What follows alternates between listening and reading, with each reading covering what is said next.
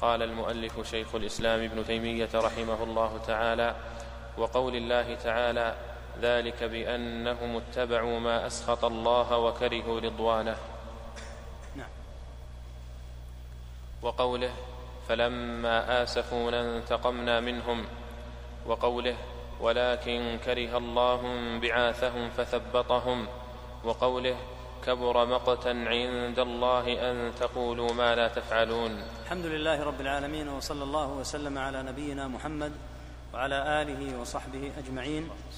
أما بعد فأورد رحمه الله تعالى هذه الآيات. أولها قوله تعالى ذلك بأنهم اتبعوا ما أسخط الله وكرهوا رضوانه فأحبط أعمالهم. في هذه الآية إثبات أن الله تعالى يسخط وهو من صفاته عز وجل اللائقة به التي لا يجوز أن تقايس كما تقدم مرات ولا أن تقارن بغيرها. فيقول القائل إن السخط في الله لا يصلح لأن السخط في الإنسان يترتب يترتب عليه كذا وكذا. فيقال هذا من القياس الذي نهينا عنه بل هو ضرب من ضروب الجهل العظيم بالله عز وجل أن يقاس سبحانه وتعالى بخلقه. فالله تعالى يسخط. إذا انتهك العبد محارمه. اتبعوا ما أسخط الله. أمور اتباعها يؤدي إلى سخط الله. فالصد عن سبيل الله. ونشر الفاحشة. ودحض السنة. ونشر البدعة. لا شك أنه يسخط الله. والرب مالك الملك سبحانه وتعالى المتصرف جبار السماوات والأرض إذا وقع هذا في ملكه فإنه يسخطه ولا يرضاه. فإذا قيل لا لا يسخط. وقيل أيضا إنه سبحانه وتعالى إذا لزمت السنة وأقصيت البدعة ونشر البر والتقوى وأقصيت الفاحشة والفساد إذا قيل إنه أيضا لا يرضى فسبحان الله العظيم. كيف يصفون الله عز وجل بمثل هذه الأوصاف. لا يسخطه ما فيه محادة له ولا يرضيه ما فيه طاعة له. والله إنهم بهذا النفي ليتنقصون الله غاية التنقص. يعني إذا قيل إن الله تعالى لا يسخط إذا انتهكت محارمه ولا يرضى إذا أطيع. فلا شك أن هذا ضرب من ضروب مسبة الله أن الرب سبحانه غيور على نعمه. يأبى سبحانه وتعالى أن تستغل في معاصيه. يأبى سبحانه وتعالى أن يسعى في إطفاء النور الذي من به على العباد ولن يطفئوه وإن كرهوا. لكنه يسخط هذا سبحانه ويرضى سبحانه وتعالى من العبد أن يلزم ما بينه له رسوله صلى الله عليه وسلم وأن يثبت عليه ويجاهد في ذلك ويدعو غيره إليه. فإذا قيل لا يرضى ولا يسخط. فإن هذا من المسبة القبيحة لله ومن الجهل العظيم. فإن هؤلاء المعطلة من أعظم الناس جهلا بالله مع ظنهم أنهم أهل العلم بالله. والدليل على هذا مقولاتهم القبيحة في صفات الله تعالى. ثم قال وقوله فلما آسفونا انتقمنا منهم فأغرقناهم أجمعين. واحفظ يا طالب العلم هذه هذه الآية. فإن فيها فائدة من أعظم الفوائد في الرد على المعطلة. المعطلة دائما يأتون إلى الصفات فيغيرون معانيها. فالغضب دائما يفسرونه باللازم منه. أن الغضب هو إرادة الانتقام أو وقوع الانتقام نفسه هو الغضب. فجاءت هذه الآية لتأخذ بهم إلى قيام الساعة. قال تعالى فلما آسفونا انتقمنا. ففصل سبحانه وتعالى بين إسخاطهم له وإغضابهم له وبين الانتقام. فالانتقام شيء مترتب على إغضابه سبحانه. ولهذا جاء بصيغة لما التي ترتب شيئا على شيء. فالذي حدث اولا أنهم أغضبوا الله. فلما أسخطوا الله وأغضبوه سبحانه وتعالى حلت بهم نقمته. المعطلة يفسرون السخط بأنه نفس النقمة. فيقولون سخط الله هو حلول العذاب نفسه. فيقال فرق الله عز وجل بينهما بهذه الآية. فلما آسفونا انتقمنا. فدل على أن إغضاب الله عز وجل أن غضب الله عز وجل غير ما يترتب عليه من حلول النقمة. فحلول النقمة من الخسف مثلا أو الرمي بالحاصب.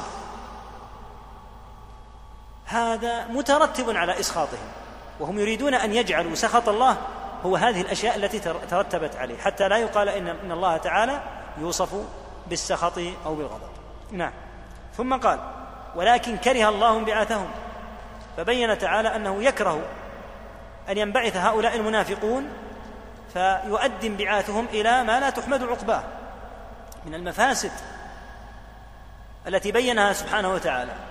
كره الله انبعاثهم فثبطهم وقيل اقعدوا مع القاعدين. لو خرجوا فيكم ما زادوكم إلا خبالا ولاوضعوا خلالكم. فلهذا كره الله أن ينبعثوا في فيتسبب انبعاثهم في هذا الشر على المسلمين. وهكذا قوله تبارك وتعالى كبر مقتا الله يمقت ويبغض سبحانه وتعالى على ما فيه سخطه ومنه على ما فيه معصيته ومنه هذه الآية كبر مقتا عند الله أن تقولوا ما لا تفعلون. نسأل الله العافية والسلامة. يعني لو أن إنسانا يقول يا عباد الله لا تزنوا ولا تشربوا الخمر وإياكم وعقوق الوالدين وإياكم المحرمات والربا ثم هو يفعل هذا. ألا يكره الله هذا؟ أينفع عن الله أن يكره هذا وهو يقول كبر مقتا عند الله أن تقولوا ما لا تفعلون؟ أن يقول الإنسان عياذا بالله ما لا يفعل. يقال الله لا ينبغي أن يوصف بمقت هذا؟ مقتضى ربوبيته سبحانه وتعالى أن تثبت له هذه الصفات. أما أن يقال إن كل شيء سيان.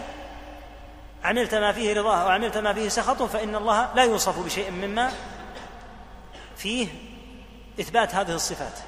لا شك أن هذا كما قلنا من الجهل العظيم بالله عز وجل بل هو سبحانه يرضى ويسخط ويحب ويبغض فلهذا هو سبحانه وتعالى يدخل الجنة ويدخل النار من آثار هذه الصفات العظيمة. فالحاصل أن الله يمقت على أشياء ومما يمقت عليه تعالى كما في الحديث التعري نسأل الله العافية والسلامة. هذا مما يمقته تعالى. وهكذا كل من يسعى فيما فيه كشف عورات الناس والتسبب في القرب من الفاحشة. يمقت الله عز وجل على هذا ويبغضه وهو من دواعي نقمته سبحانه وتعالى وحلول عذابه لمن فعل ذلك. فإذا قيل من فعل هذا فالله لا ينبغي أن يوصف بالمقت. هذا كله كما تقدم من الجهل العظيم بالله عز وجل ومما يدل على أن هؤلاء النافين الذين زعموا أنهم ينزهون الله قد وقعوا في عين مسبة الله من حيث لا يشعرون. نعم. وقوله هل ينظرون إلا أن يأتيهم الله في ظلل من الغمام والملائكة وقضي الأمر؟ نعم. وقوله هل ينظرون إلا أن تأتيهم الملائكة أو يأتي ربك أو يأتي بعض آيات ربك؟ نعم. وقوله كلا إذا دكت الأرض دكا دكا وجاء ربك والملك صفا صفا وقوله ويوم تشقق السماء بالغمام ونزل الملائكة تنزيلا. في هذه الآيات إثبات أن الله تعالى يأتي. ففيها إثبات الإتيان والمجيء والمعنى متقارب. هل ينظرون يعني هل ينتظرون؟ إلا أن يأتيهم الله في ظلل من الغمام والملائكة وقضي الأمر. فإن الرب سبحانه وتعالى يأتي لفصل القضاء بين العباد. ولهذا قال تعالى في سورة الفجر وجاء ربك والملك صفا صفا. فيجيء الرب سبحانه وتعالى فيقضي بين العباد. ويحاسبهم سبحانه وتعالى جميعا. وتقدم أنه تعالى سريع الحساب. فيحاسب الجميع دفعة واحدة ولا يشغله أحدهم عن الآخر. وقلنا إن هذا من عظمة صفاته تعالى التي توجب على العبد أن لا يقيس فيجيء للفصل بين القضاء بين العباد. وهكذا قوله تبارك وتعالى هل ينظرون إلا أن يأتيهم هل ينظرون إلا أن تأتيهم الملائكة أو يأتي ربك أو يأتي بعض آيات ربك. وهذه الآية العظيمة من سورة الأنعام. من أشد الآيات على النفاة. لأن النفاة طريقتهم. أنهم يقولون معنى إتيان الرب هو إتيان غيره من أمره تعالى. مثلا أن يأتي غيره. فجاءت الآية فيها ترتيب الأمور الثلاثة. هل ينظرون إلا أن تأتيهم الملائكة؟ أو يأتي ربك أو يأتي بعض آيات ربك. عادة النفاة إذا أتت الآيات التي فيها إثبات مجيء الرب قالوا المقصود إتيان أمره. فقيل الآن أمره موجود في الآية. فهل يكون معنى الآية؟ هل ينظرون إلا أن تأتيهم الملائكة أو يأتي أمر ربك أو يأتي أمر ربك أيضا؟ هذا التكرار لا يمكن في كتاب الله الفصيح إلا لأن إتيان الرب غير إتيان أمره. هل ينظرون إلا أن تأتيهم الملائكة أو يأتي ربك أو يأتي بعض آيات ربك؟ فهم يفسرون إتيان الرب بإتيان غيره من إتيان آياته. فبين سبحانه وتعالى أن إتيانه غير إتيان أمره وأن إتيانه تعالى إتيان حقيقي.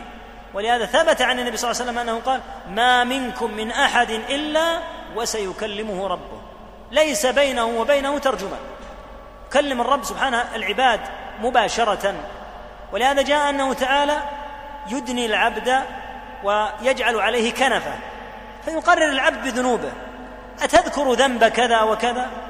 بينه وبين العبد مباشرة. فكيف يقال إن الله لا يأتي؟ وما معنى الحساب؟ ومن الذي يحاسب؟ فلا شك أن إتيان الرب ثابت. في هذه الآيات العظيمة كل هذا يدل على إتيانه سبحانه وتعالى. فالواجب على المؤمن أن يعتقد أن الرب يأتي سبحانه وبحمده ولهذا لاحظ التهديد في الآية. هل ينظرون إلا أن يأتيهم الله؟ هذا تهديد لأنه تعالى ماذا ينتظر هؤلاء؟ إلا أن يأتيهم الله في ظلل من الغمام والملائكة ثم قال وقضي الأمر لأن يفصل سبحانه وتعالى بين الخلائق. فلا شك في أن إتيانه إتيان حقيقي وأنه مجيء حقيقي لا كما يزعم النفاة الذين أخذوها قاعدة. كلما أتت صفة من صفات الله قالوا المراد غيره. حتى إنهم قالوا إن معنى ينزل ربنا إلى سماء الدنيا كما سيأتي قالوا المقصود نزول ملك. فقال أهل العلم وهل الملك يقول هل من سائل فأعطيه؟ هكذا يقول الملك. هل من مستغفر فأغفر له؟ هل يمكن أن يقول الملك هذا؟ مستحيل هذا كلام الرب سبحانه. ولهذا جاء في بعض الروايات أنه تعالى يقول لا أسأل عن عبادي غيري. كلام الرب مباشرة سبحانه ونزوله عز وجل هو سبحانه وبحمده. وهكذا إتيانه لفصل القضاء هو الذي يأتي سبحانه وتعالى. أما هذا العبث بالنصوص لأن يقال المراد غيره. وهكذا قوله تعالى أأمنتم من في السماء؟ يقولون أي الملائكة. ما هذا العبث؟ بل المراد كما فهم السلف الصالح رضي الله عنهم المراد رب العالمين سبحانه وبحمده فهو الذي في السماء. ولهذا لما سأل النبي صلى الله عليه وسلم الجارية أين الله؟ قالت في السماء. قال من أنا؟ قالت رسول الله. قال أعتقها فإنها مؤمنة. عرفت ربها سبحانه وتعالى. فالحاصل أن من طريقة المعطلة والنفاة من الجهمية والمعتزلة والأشعرية والماتريدية ونحوهم أنهم يأتون إلى الصفة فيقولون المراد غير الله عز وجل بها. فإذا جاءت صفة الإتيان قالوا المراد إتيان غير الله حتى يكون الإتيان لغيره تعالى. فجاءت آية الأنعام فألقمتهم الحجر. هل ينظرون إلا أن تأتيهم الملائكة أو يأتي ربك أو يأتي بعض آيات ربك؟ وبعض الآيات هي من أمره. فلو كان المراد بإتيان الرب إتيان أمره لكان المعنى هل ينظرون إلا أن تأتيهم الملائكة أو يأتي أمر ربك أو يأتي أمر ربك؟ وهذا ترداد لا معنى له ولا يمكن أن يكون في هذا الكلام الفصيح فدل على أن إتيانه تعالى غير إتيان بعض آياته. والمراد بإتيان بعض آياته تعالى هو طلوع الشمس الشمس من مغربها كما ثبت عن النبي صلى الله عليه وسلم فإنها إذا طلعت لا ينفع نفسا إيمانها لم تكن آمنت من قبل أو كسبت في إيمانها خيرا. نعم. وقول الله تعالى ويبقى وجه ربك ذو الجلال والإكرام. نعم. وقوله كل شيء هالك إلا وجهه. هذه الآية هاتان الآيتان في إثبات أن لربنا سبحانه وتعالى وجها. ولا شك أن له سبحانه وتعالى وجها. هو مبتغى أهل القلوب الحية أن ينظروا إلى وجهه عز وجل وهو دعوتهم. ربهم تعالى بأن يكرمهم بلذة النظر إلى وجهه سبحانه. وجه عظيم لائق بالله تبارك وتعالى فجاء المفسدون من المعطلة ليقولوا إنه لا يصلح أن يقال إن لله وجها. لماذا؟ والله يثبت الوجه. قالوا لأن للمخلوق وجها. فلو قلنا إن لله وجها للزم من ذلك أن يكون فيه مشابهة.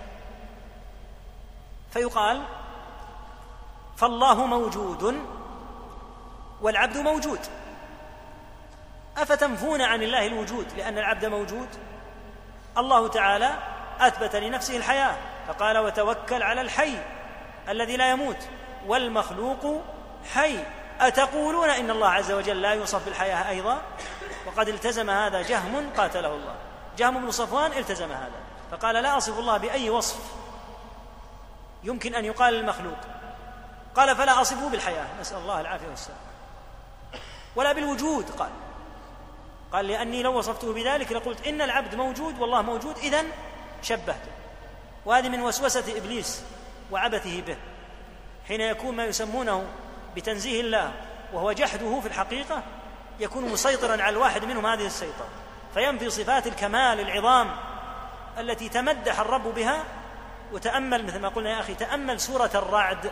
إذا قرأتها تأمل المدح. كيف يمدح الرب نفسه؟ وفي أثناء مدحه يمدح نفسه بالاستواء على العرش. لأنها صفة مدح. فالوجه مما يثبته أهل الحق لربهم تعالى لإثباته تعالى لنفسه. فقال سبحانه ويبقى وجه ربك ذو الجلال والإكرام. وقال سبحانه كل شيء هالك إلا وجهه.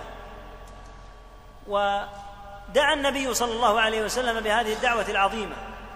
أسألك لذة النظر إلى وجهك والشوق إلى لقائك في غير ضراء مضرة ولا فتنة مضلة. فإذا قيل لا يوصف الله بالوجه ماذا يكون معنى لذة النظر إلى وجه الله؟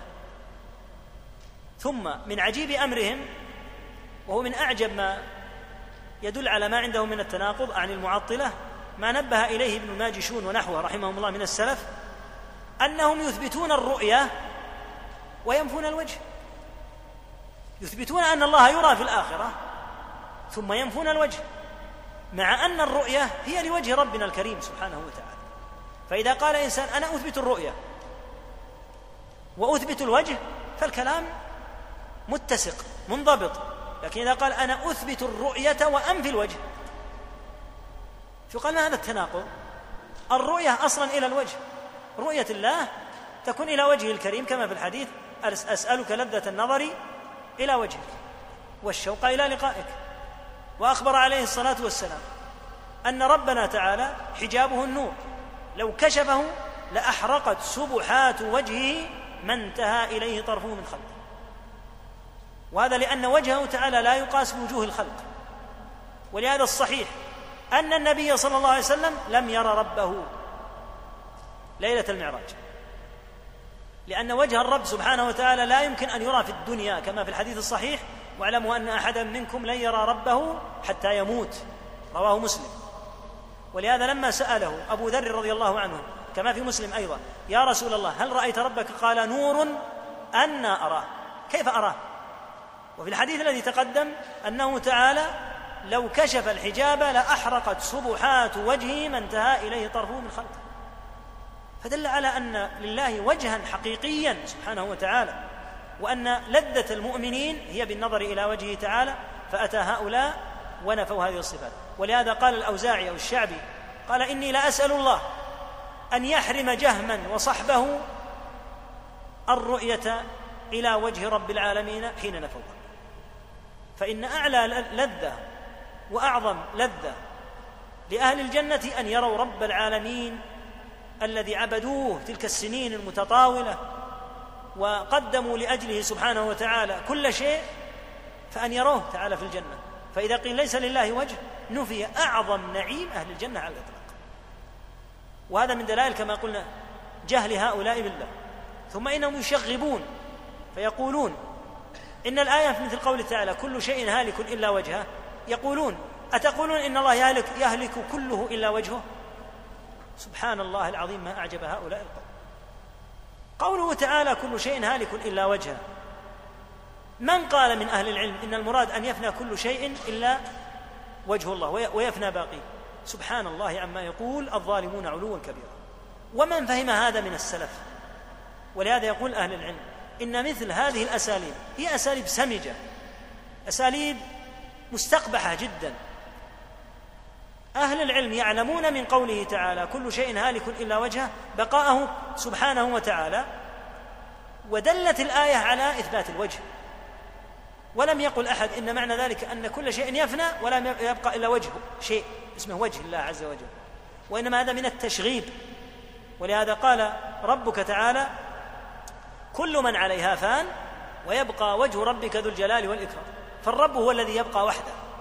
ولهذا ثبت أنه تبارك وتعالى إذا افنى الخلائق كلها نادى سبحانه وبحمده لمن الملك اليوم؟ فلا يجيب أحد. الخلائق هلكت. ثم ينادي ثانية لمن الملك اليوم؟ فلا يجيب أحد. ثم ينادي ثالثة لمن الملك اليوم؟ فيجيب نفسه. لله الواحد القهار اليوم تجزى كل نفس بما كسبت. فالرب سبحانه وتعالى هو الذي يبقى وكل شيء يهلك إلا هو سبحانه. فدلت الآية على بقاء الرب وعلى إثبات الوجه له سبحانه وبحمده. وهذا التشغيب الذي يشغبونه بمثل هذه في مثل هذه النصوص هو مما حذر الله عز وجل منه من من من المراء في القرآن والمجادلة لإسقاط دلالات النصوص عما دلت عليه ولا سيما في مثل هذه المواضع العظيمة مواضع الصفات. نعم. وقوله ما منعك أن تسجد لما خلقت بيدي وقوله وقالت اليهود يد الله مغلولة غلت أيديهم ولعنوا بما قالوا بل يداه مبسوطتان ينفق كيف يشاء. دلت الآيتان على إثبات أن لله تعالى يدين سبحانه وبحمده وتكاثرت بهذا النصوص في السنة. فمن ذلك قوله تعالى منكرا على إبليس عدم السجود. ما منعك أن تسجد لما خلقت بيدي؟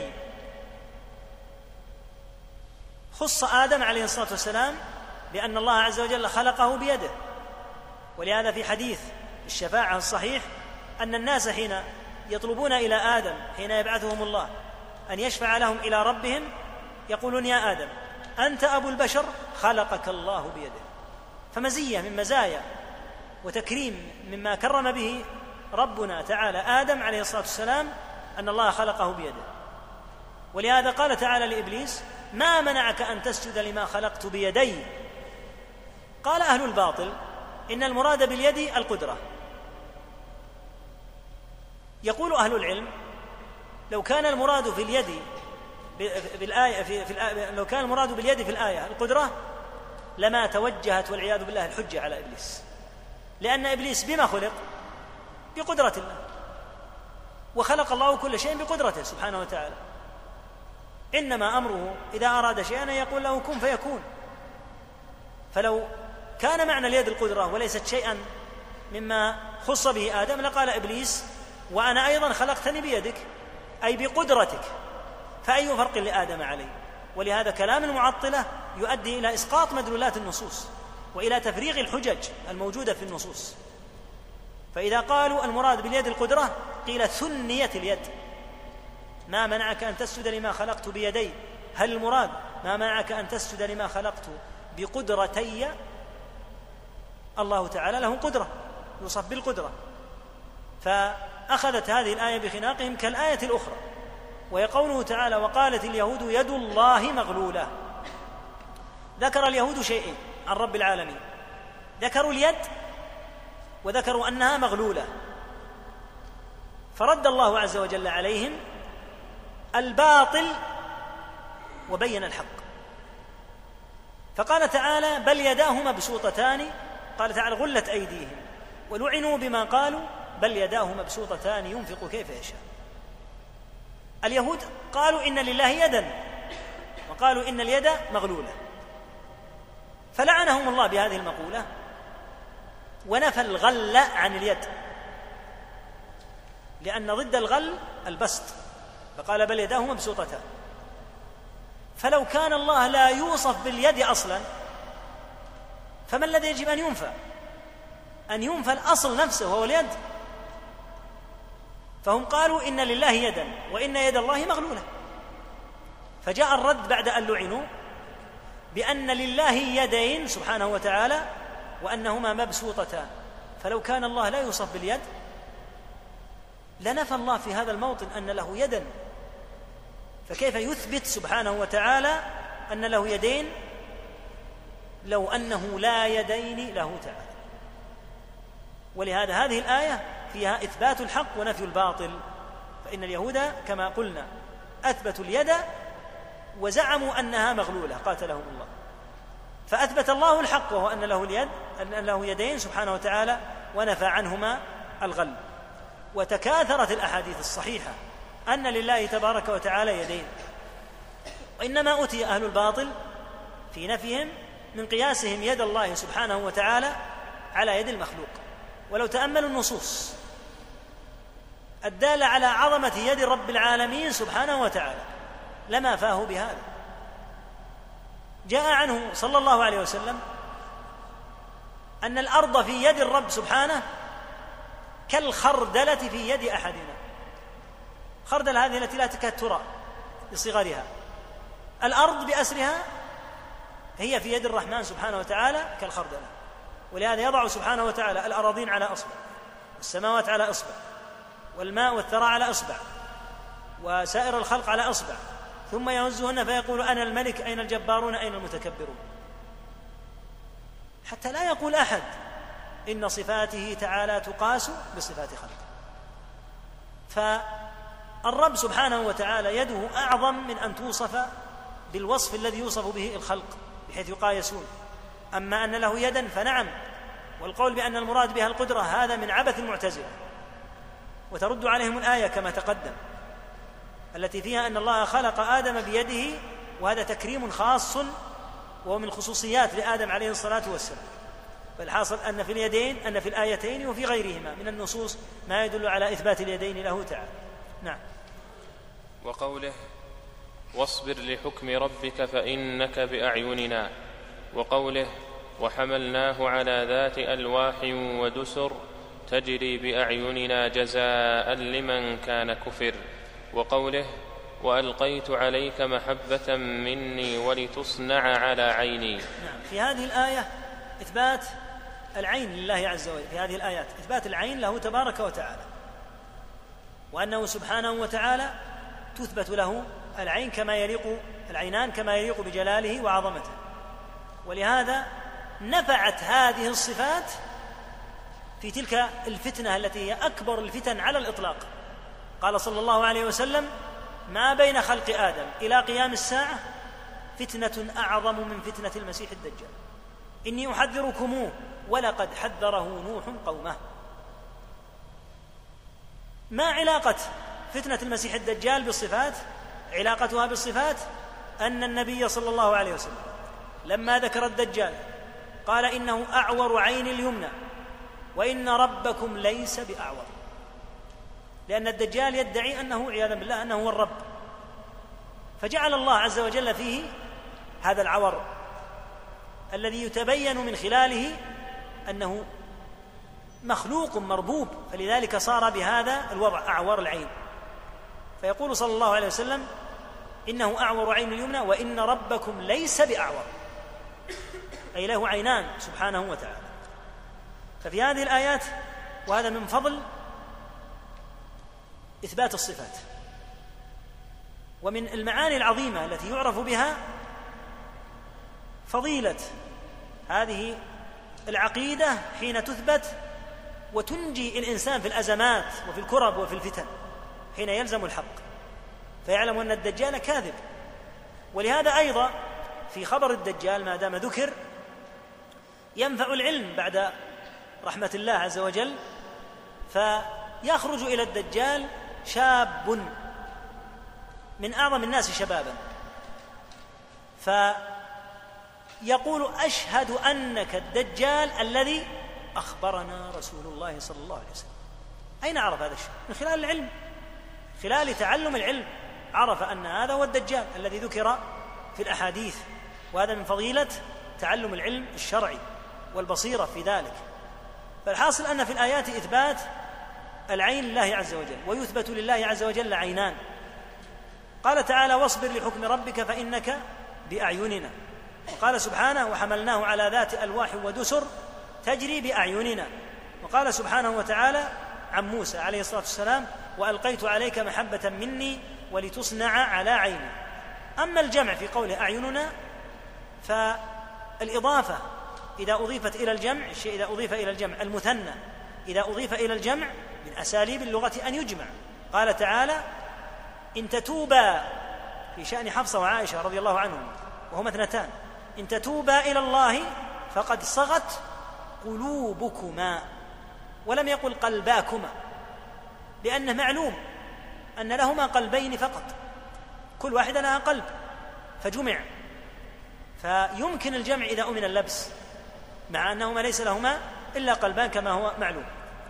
واصبر لحكم ربك فإنك بأعيننا وهكذا قوله تعالى وحملناه على ذات ألواح ودسر. نوح عليه الصلاة والسلام. تجري بأعيننا. والذين قالوا من أهل العلم إن المراد تجري بمرأ منا من أهل السنة ليسوا مؤولين كما ينبغي أن يفهم طالب العلم. لأنهم لا يقصدون بقول تجري بمرأ منا أن ينفوا العين لأنهم يثبتون لله العينين.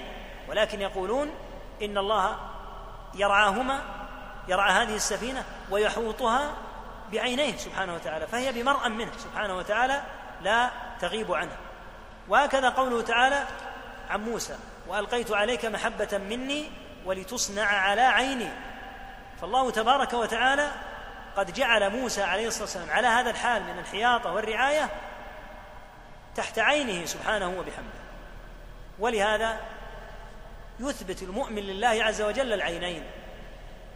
كما دلت على ذلك النصوص وكما دلت من من السنة التي وضحت نصوص القرآن الدالة على أن لله تعالى عينين سبحانه وبحمده كما أنه يثبت أن الله عز وجل يبصر فإنه يثبت أن لله عز وجل العينين نعم.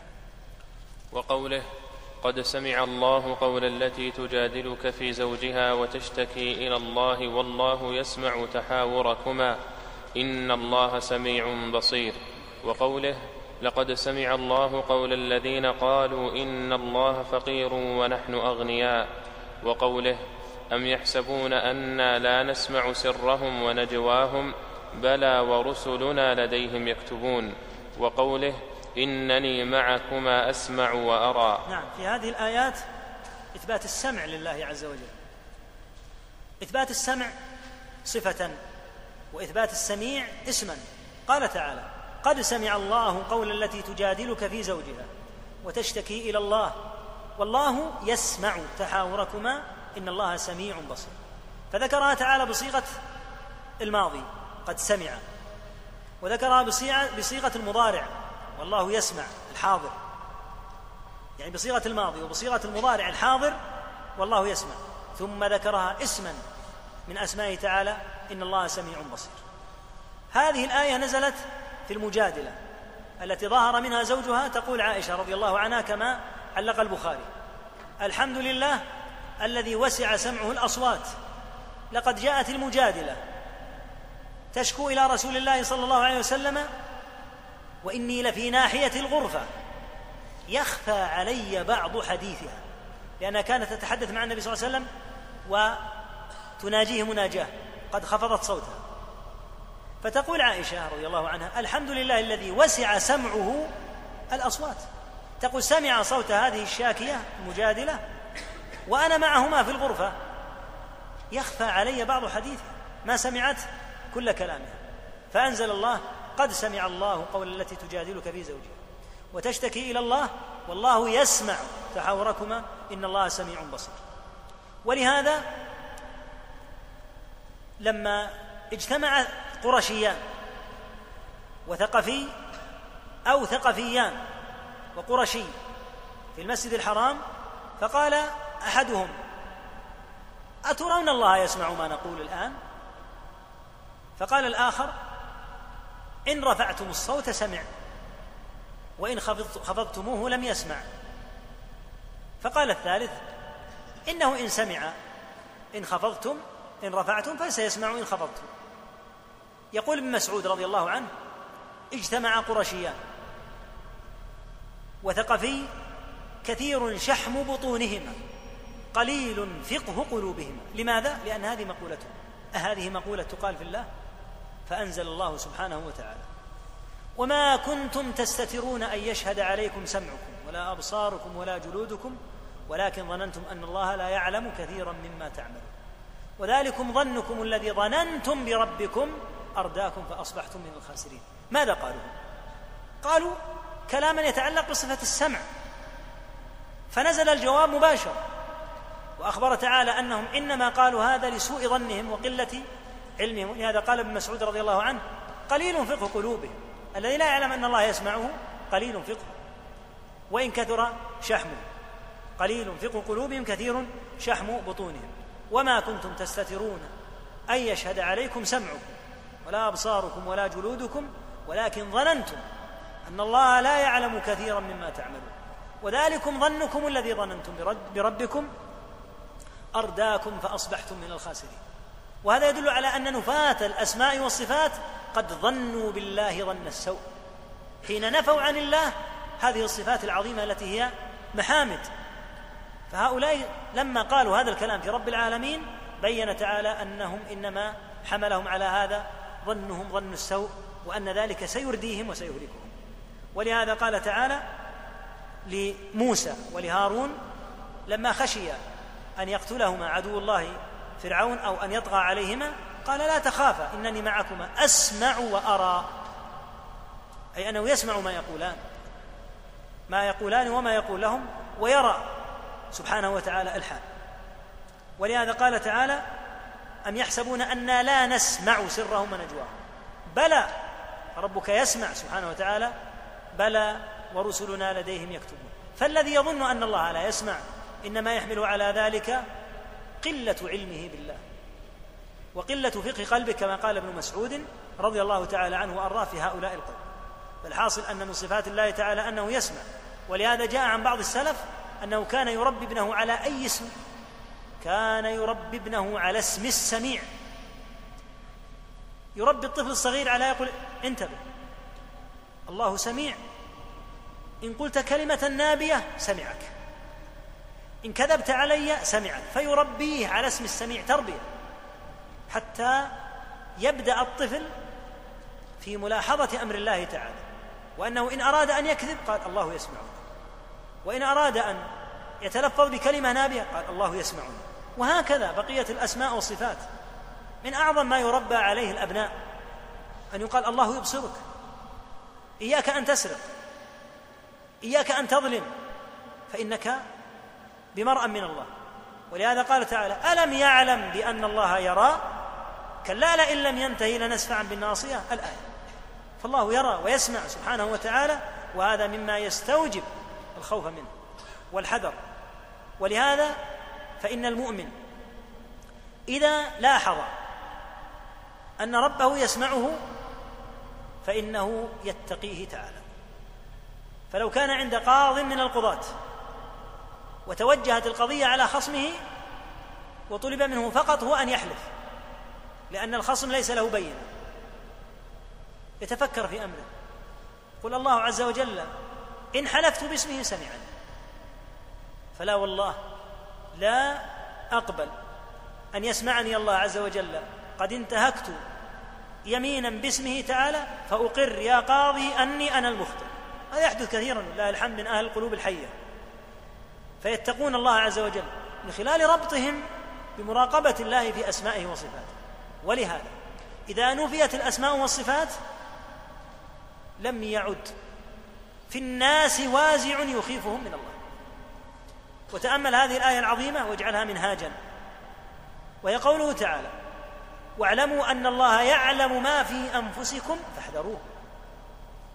فأمر تعالى العبد أن يعلم حقيقة عظيمة عن صفاته وهو أنه يعلم ما في النفوس. فلما أمر بهذه العقيدة رتب عليها تقواه قال فاء بالفاء. واعلموا أن الله يعلم ما في أنفسكم فاحذروه. فدل على أن الحذر من الله. لا يكون إلا لمن يقر أن الله يعلم بحاله. ولهذا الذي يفطر في نهار رمضان لو تدبر أن الله يعلم أنه يفطر في وسط بيته وأنه بمرأ من الله ومسمع لما أفطر. وهكذا المؤمن حين يكون خاليا يتمكن من المنكر بفعل جرم كالزنا أو شرب الخمر أو القتل أو الظلم. أو السرقة أو في عبادة ائتمنه الله عليها كالصوم في وسط بيته ما عنده أحد. لكن يراقب الله عز وجل يعلم أن الله محيط وأنه يعلم وأنه يرى سبحانه وتعالى. فيحجم عن معصية الله. فإذا نفيت الصفات صار الناس غاية في الجرأة على حدود الله. لأن الناس إذا لم يستحضروا أن الله يراه وأنه يسمعه فما الذي يمنعهم من الجرم والمعصية؟ ولهذا نفي الصفات يؤدي إلى قسوة القلب. ومن هنا تدبر مسألة عجيبة جدا في المعتزلة. تكلم عنها أهل العلم وهي أنه من أشد الناس جلافة ووقاحة وجرأة على المنكرات. حتى إنك تعجب في تراجمهم من وجود أعلام لهم مشهورين رؤساء لفرقهم متظاهرين بالمحرمات.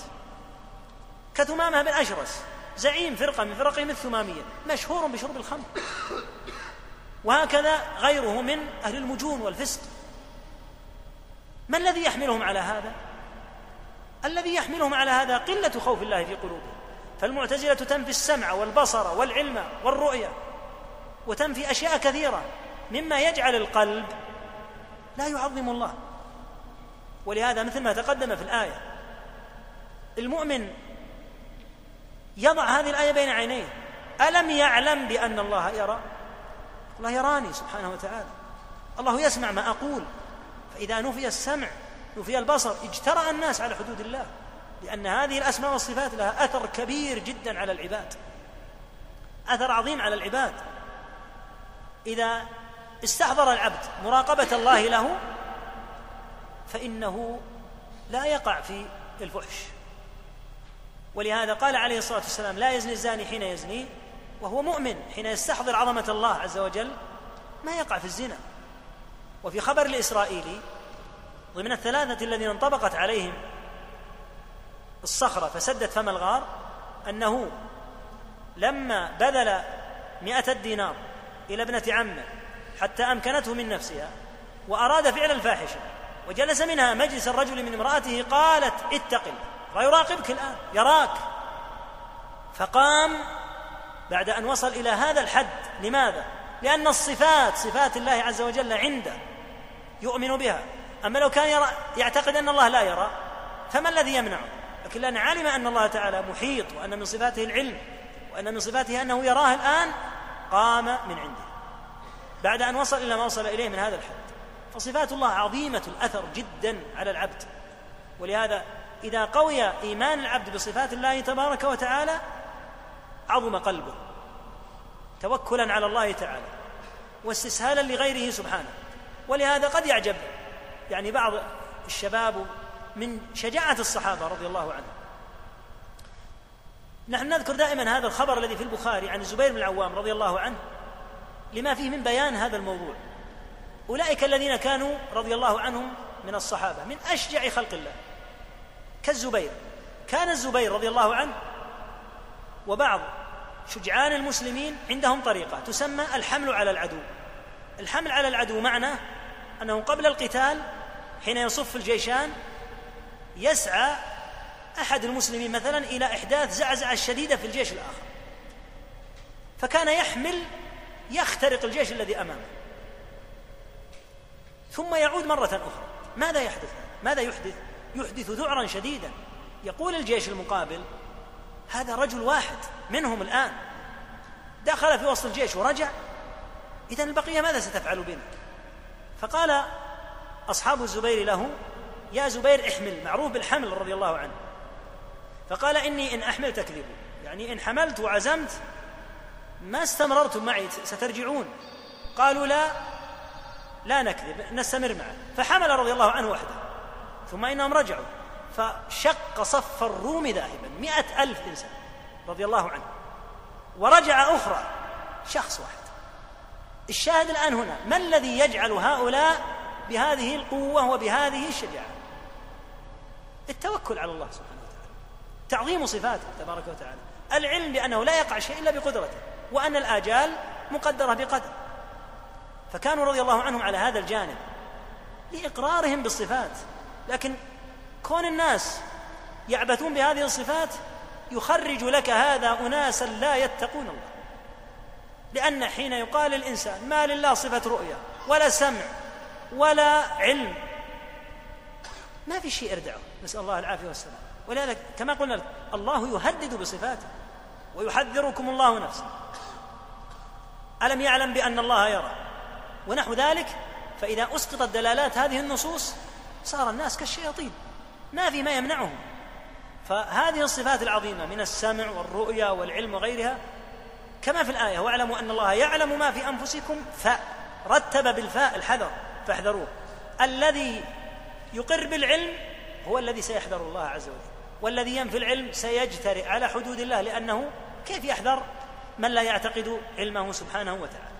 فهذه من غوائل ومن شؤم نفي الصفات وعكسها عظمة إيمان العبد بالصفات على الوجه الذي ينبغي تجعل العبد من أعظم ما يكون قربا من الله سبحانه وتعالى وطاعة نعم. وقوله ألم يعلم بأن الله يرى؟ وقوله الذي يراك حين تقوم وتقلبك في الساجدين إنه هو السميع العليم. وقوله وقل اعملوا فسيرى الله عملكم ورسوله والمؤمنون. نعم الآية الأولى ألم يعلم بأن الله يرى تقدم الكلام عليه والثانية قال تعالى وتوكل على العزيز الرحيم. حتى يكون عند القلب, القلب تفويض الأمور لله عز وجل واعتماد عليه سبحانه وتعالى. الذي يراك حين تقوم وتقلبك في الساجدين. فذكر تعالى صفة الرؤية هنا لذلك قلنا إن التوكل ونحوه من الأعمال القلبية العظيمة مربوطة بالصفات. فإذا آمنت بالصفات على النحو الذي ينبغي تعززت عندك هذه الأعمال القلبية العظيمة. وتوكل على العزيز الرحيم الذي يراك حين تقوم وتقلبك في الساجدين. وهكذا قوله تعالى وقل اعملوا فسيرى الله عملكم. فسيرى الله عملكم ورسوله والمؤمنون. نعم. وقوله وهو شديد المحال وقوله ومكروا ومكر الله والله خير الماكرين وقوله ومكروا مكرا ومكرنا مكرا وهم لا يشعرون وقوله إنهم يكيدون كيدا وأكيد كيدا. نعم في هذه الآيات إثبات أن الله سبحانه وتعالى يمكر بمن يستحق المكر. ولهذا اولا ما معنى المكر؟ المكر هو أن توصل الضر إلى من لا يشعر به. أن يصل الضر إلى إلى أحد من غير أن يشعر. فهذا معنى المكر. ثم هو على نوعين اثنين المكر. منه مكر مذموم خبيث. وأن يمكر العبد بمن لا يستحق أن يمكر به. كأن يمكر بالضعفاء وبالمساكين ويخاتلهم ويغدرهم فهذا مذموم وخبيث. والله عز وجل منزه عنه سبحانه وتعالى. النوع الثاني المكر بمن يستحق أن ينكر به. ولا شك أنه محمود. ولهذا ذكره تبارك وتعالى عن نفسه. فقال سبحانه ومكروا ومكر الله. ثم قال تعالى والله خير الماكرين. فمن مكر الله به فالويل له. لأنه في مقابل من لا يمكن أن يرد مكره نسأل الله العافية. ولهذا قال تعالى أفأمنوا مكر الله تهديدا؟ كما قلنا في الصفات تهديد في أكثر من آية يهدد بالصفات. أفأمنوا مكر الله؟ فلا يأمن مكر الله إلا القوم الخاسرون. ولهذا قد يأتي العذاب أفأمن أهل القرى أن يأتيهم بأسنا بيات أن, يأتي أن يأتيهم بأسنا بياتا وهم نائمون؟ أو أمن أهل القرى أن يأتيهم بأسنا ضحى وهم يلعبون؟ في غاية الأمن. فأنزل الله عز وجل بهم نقمته بعد أن مد لهم في النعم. نسأل الله لا يجعلنا من ممكور بهم. ومن دلائل مكره تعالى أن يغدق على العبد النعم مع عصيان العبد. فيزيده سبحانه وتعالى نعما أخرى فيشتد عصيانه. تلك النعم هي استدراج نسأل الله العافية والسلام. ولهذا قال تعالى سنستدرجهم لاحظ الآية من حيث لا يعلمون. كما قلنا إن المكر أن توصل الضر من حيث لا يشعر به. فيستدرج نسأل الله العافية من حيث لا يعلم العبد. لذا قال أيحسبون أن ما نمدهم به من مال وبنين؟ نسارع لهم في الخيرات ممكور بهم. يظنون أن كثرة الأموال وكثرة البنين أنها مسارعة من الله في الخيرات وأنهم يستحقون بل لا يشعرون لا يدرون بحقيقة الحال وهي أن الله تعالى يمكر بهم عياذا بالله. ولهذا جاء الحديث أنك إذا رأيت العبد يعطيه الله عز وجل من النعم وهو مقيم على معاصيه فإنما ذلك استدراج. معنى الاستدراج؟ الاستدراج هو أن تنزل من تريد أن توقع به. الشر تنزله درجة درجة. فالدرجة واحدة طبقات السلم استدرجه يعني أنزله درجة درجة. فأعطاهم الله عز وجل نعمة. فبطروا وتجاوزوا حدود الله. فأنزلهم درجة أخرى. وأنه أغدق نعما أكثر. فبطروا. ثم استمرت النعم تتوالى ثم جاءت نسأل الله العافية النقمة فجأة وبغتة. هذا معنى استدراجه تعالى. وهو يستدرج ويمكر بمن يستحق. ولهذا مثل ما يقول أهل العلم هذا الذي فيه أهل الكفر اليوم من هذا التقدم ومن هذه الصناعات ومن هذه القوة هي محض استدراج من رب العالمين بهم حتى يحل أجل يؤخذون فيه أخذ عزيز مقتدر. هو عز وجل أعلم بهم كما قال أن يصيبكم الله بعذاب من عنده أو بأيدينا؟ فإما أن ينصر عليهم المسلمون وتفتح بلادهم وإما أن تحل بهم نقمة من عند الله تعالى. ولهذا فإن من الصفات العظيمة لله تعالى أن يمكر بهؤلاء الذين يستحقون أن يمكر بهم. أرسل رسولا أنزل كتابا أمر بأوامر حذر عن منهيات وأعطى الأعين والأسماع والأبصار والأفئدة وأغدق النعم حتى يستعمر حتى يستعمل العبد ذلك كله في طاعته تعالى. وليحقق الحكمة من خلقه. وما خلقت الجن والإنس إلا ليعبدون. فأخذ العبد هذه النعم فعكسها. وجعلها مستثمرة في معصية الله. والخروج على حدوده فإذا زاده الله من النعم وكثرت كثرت عليه الأموال. أهذا رضا؟ لا والله. مكر. وهو مما نخشاه على أنفسنا. لأن كثرة المعاصي مع إغداق النعم من دلائل المكر. ولهذا نعوذ بالله الممكور بهم تأتيهم النقمة فجأة كما ذكر الله في الايات التي سقنا. أفأمن أهل القرى أن يأتيهم بأسنا بياتا وهم نائمون في غاية الراحة؟ أو أمن أهل القرى أن يأتيهم بأسنا ضحى وهم يلعبون مستبعدين غاية الاستبعاد؟ أفأمنوا مكر الله؟ فلا يأمن مكر الله إلا القوم الخاسرون. فهذا من أعظم صفات الله تعالى. ولهذا ربك تعالى يبين أن العباد يكيدون وأنه يكيد. إنهم يكيدون كيدا وأكيد كيدا. وهكذا قوله والله شديد المحال أي شديد المكر. فمكره عظيم سبحانه. ومكره يحيط بمن مكر به. لا بد أن يوقعه. نسأل الله العافية في غائلة أمره. ولهذا ربك سبحانه حذر من هذا المسبب لوقوع مكره تعالى. لأن العبد إذا أطاع الله واتقاه فإنه في مأمن بإذن الله. بإذن الله إذا سلك المسلك الذي يرضي الله من أن ينتقم الله عز وجل منه. أما إذا كما في الحديث إذا رأيت العبد إذا رأيت الله يغدق على العبد مع كثرة معاصيه فاعلم أن ما ذلك استدراج نسأل الله العافية.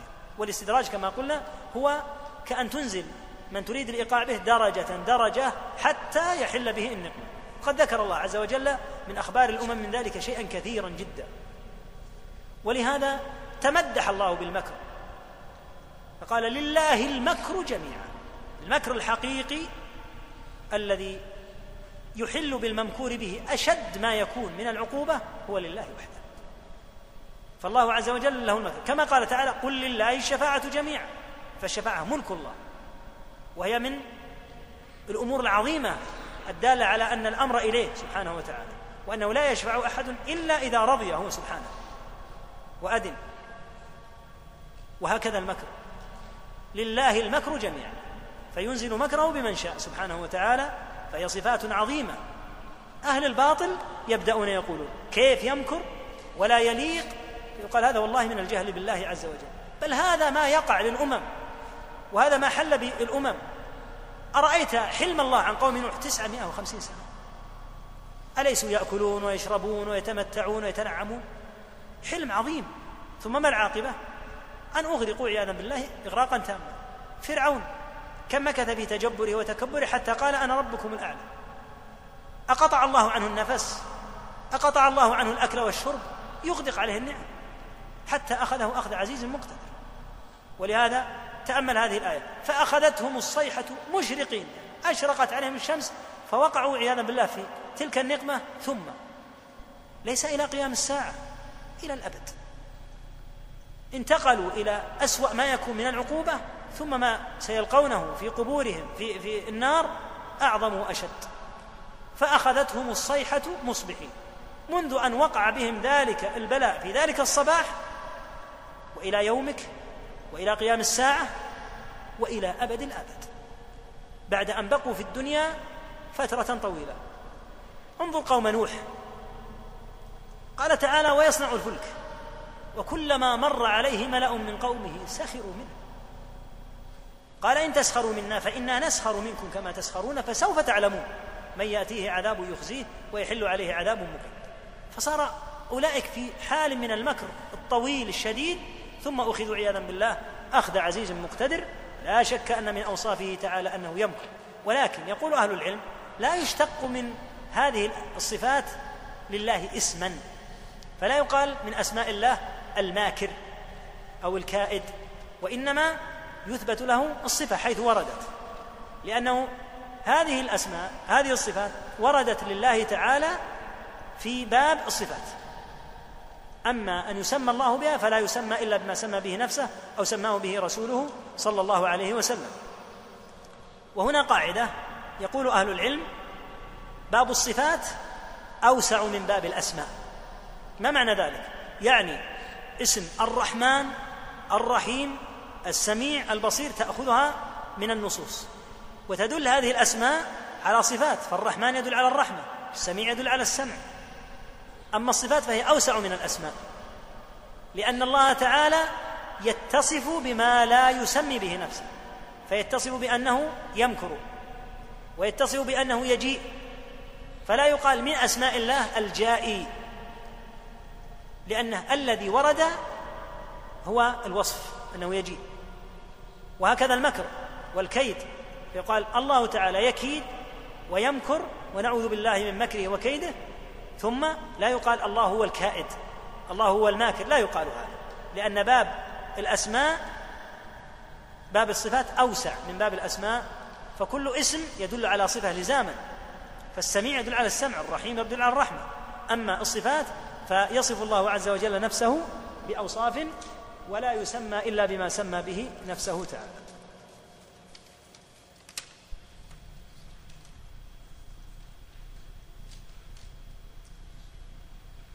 يسأل الأخ عن الصفة مثل ما معلوم الله يتصف سبحانه وتعالى بأوصاف سبحانه وبحمده سمى به نفسه. الوصف يعني مأخوذ من قوله تعالى لله المثل الأعلى لله المثل أي الوصف.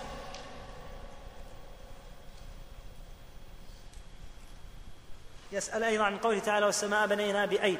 فسر بعض المفسرين إذا رأيت بعض أهل السنة يفسرها مثلا بالقوة فليس معناه أنه يفسر أنه ينفي الصفة وإنما يقول في هذا الموطن مثل قوله تعالى فأينما تولوا فثم وجه الله.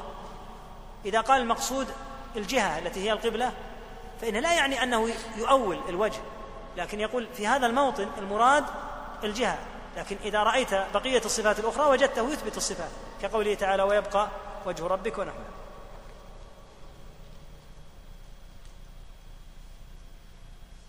يقول إذا كان من القدر شر فكيف نفسر قوله صلى الله عليه وسلم ما أصاب العبد من خير وشر فهو خير له. أنا أتذكر هذا الحديث بهذا اللفظ لكن نقول إن الخير والشر مقدران. كما في حديث جبريل وتؤمن بالقدر خيره وشره من الله تعالى. فهو من الله عز وجل هو الذي قدر سبحانه وتعالى. ولكنه كما تقدم يقدر الشر بحكمة. قد يقدر عليك الشر عقوبة. وما ظلمك؟ لأنك عصيت. وعفى عن أشياء كثيرة جدا. قال تعالى وما أصابكم من مصيبة فبما كسبت أيديكم ويعفو عن كثير. فالله تعالى إذا قدر عليك شيئا فما ظلمك؟ بل هو محض العدل. متقارب يسألك عن معنى الغضب والسخط تحتاج يعني إلى شيء من التفاصيل. ونحن في الحقيقة نحاول يعني عدم الاسترسال قدر المستطاع حتى لا نطيل على الإخوة. نعم يقول ما معنى قوله تعالى إنهم يكيدون كيدا وأكيد كيدا؟ هم يكيدون وأهل الكفر الآن يكيدون أهل الإسلام ويخططون ويدبرون. ثم إن العاقبة تكون عليهم في نهاية المطاف. إن الذين كفروا ينفقون أموالهم ليصدوا عن سبيل الله. هذا مكرهم ينفقون هذه الأموال في شتى أنواع الصد عن سبيل الله. انظر العاقبة. فسينفقونها ثم تكون عليهم حسرة ثم يغلبون والذين كفروا إلى جهنم يحشرون. فالعاقبة لا شك أنها عليهم نسأل الله العافية والسلامة وإن مكروا وكانوا. يقول ومكرنا مكرا أي مجازاة على مكرهم؟ لا يا أخي. هذا تفسير الأشاعرة. هم الذين يميلون بالألفاظ عن ظاهرها. بل يقال المكر على بابه وعلى ما سبق يعني وانفصلنا وذكرنا وما يقع من عقوبة. هذه من آثار مكر الله تعالى. ولهذا قال تعالى بين تعالى أن لله المكر جميعا له سبحانه وبحمده. يقول من أول من عطل أو قال بالتعطيل. أول من عطل في الأمة الجعد بن درهم. وما سبقه إلى هذا أحد مطلقا. لأن من قبله من الصحابة والتابعين رضي الله عنهم ما كانوا معطلة بل كانوا يثبتون الصفات. وقلنا إنه ذبح على هذه المقولة يوم العيد. يسأل من الذي سبق في الخروج المشبهة أم المعطلة؟ الذي يظهر أنه معطلة لأن الجعد قبل مقاتل.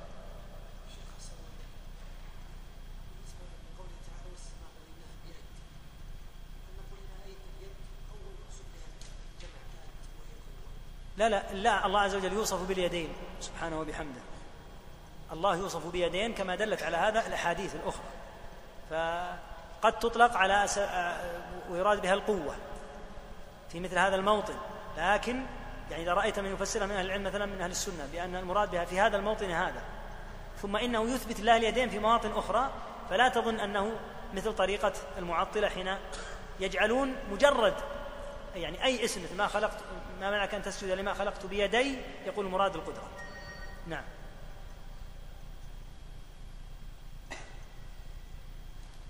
يقول وددت إعطاء مخالفة كل فرقة مثل المعتزلة والأشاعرة والجامية. يطول يا أخي هذا جدا. ونحن الأصل أن نذكر هذه الفرق على سبيل يعني عند التأصيل. يعني ليس الغرض أن نشرح أقوال الفرق وإنما نذكرها على سبيل الاستطراد. لكن إجمالا هذه الفرق عندها مخالفات في الأبواب الآتية. الباب الأول أسماء الصفات الباب الثاني القدر الباب الثالث في مسائل الإيمان ومسائل الأسماء والأحكام.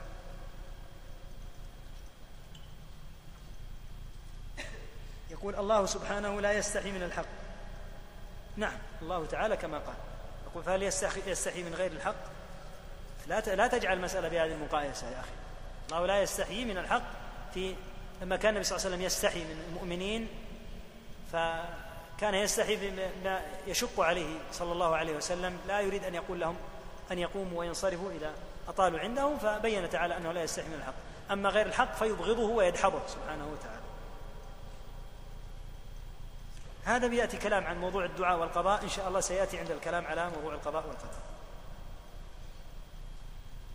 يسأل عن رؤية الله عز وجل في المنام. أما على صفته تعالى نفسه فلا يراه أحد سبحانه. أما لو سمع صوتا أو نحوه هذا أمر آخر. لكن أن يرى الله سبحانه وتعالى لا يراه أحد سبحانه إلا في الآخرة. هذا مثل السؤال السابق.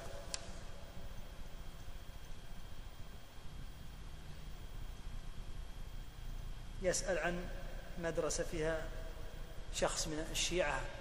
يقال هؤلاء ينصحون كغيرهم ليس معنى كونهم من الشيعة أن لا يدعى. يدعون إلى الله عز وجل فإن نفع الله به بدعوتهم فالحمد لله وإن لم ينفع بدعوتهم فإنه يلاحظ. يعني لا يبث بين الطلاب شيئا من الشبه أو غيرها فيلاحظ من قبل إدارة المدرسة ونحوها. ولكن يدعى لا يتركون يدعون إلى الله لعل الله أن يهديه من شاء من عباده. نعم. هل شراء بعض المنتجات الأجنبية جائز؟ التي لسنا بحاجة إليها؟ وهل يعتبر هذا ولاء لهم؟ أما النبي صلى الله عليه وسلم فلا شك أنه كان يشتري من هؤلاء القوم ولم يكن ذلك ولاء لهم أبدا. في البخاري جاء مشرك مشعان طويل بغنم فقال النبي صلى الله عليه وسلم أبيعا أم هبة؟ فقال بل بيعا فاشترى منه عليه الصلاة والسلام شاة. ليس معنى أنه يشترى من الكفار أن هذا ولاء لهم. ليس معنى الولاء لهم أن تشتري منهم لأن عندهم سلعا لأن عندهم سلعة معينة يبيعونها فالتعامل معهم بيعا وشراء ما فيه إشكال. كان النبي صلى الله عليه وسلم يفعل هذا. الولاء ليس في مجرد المعاملة معهم.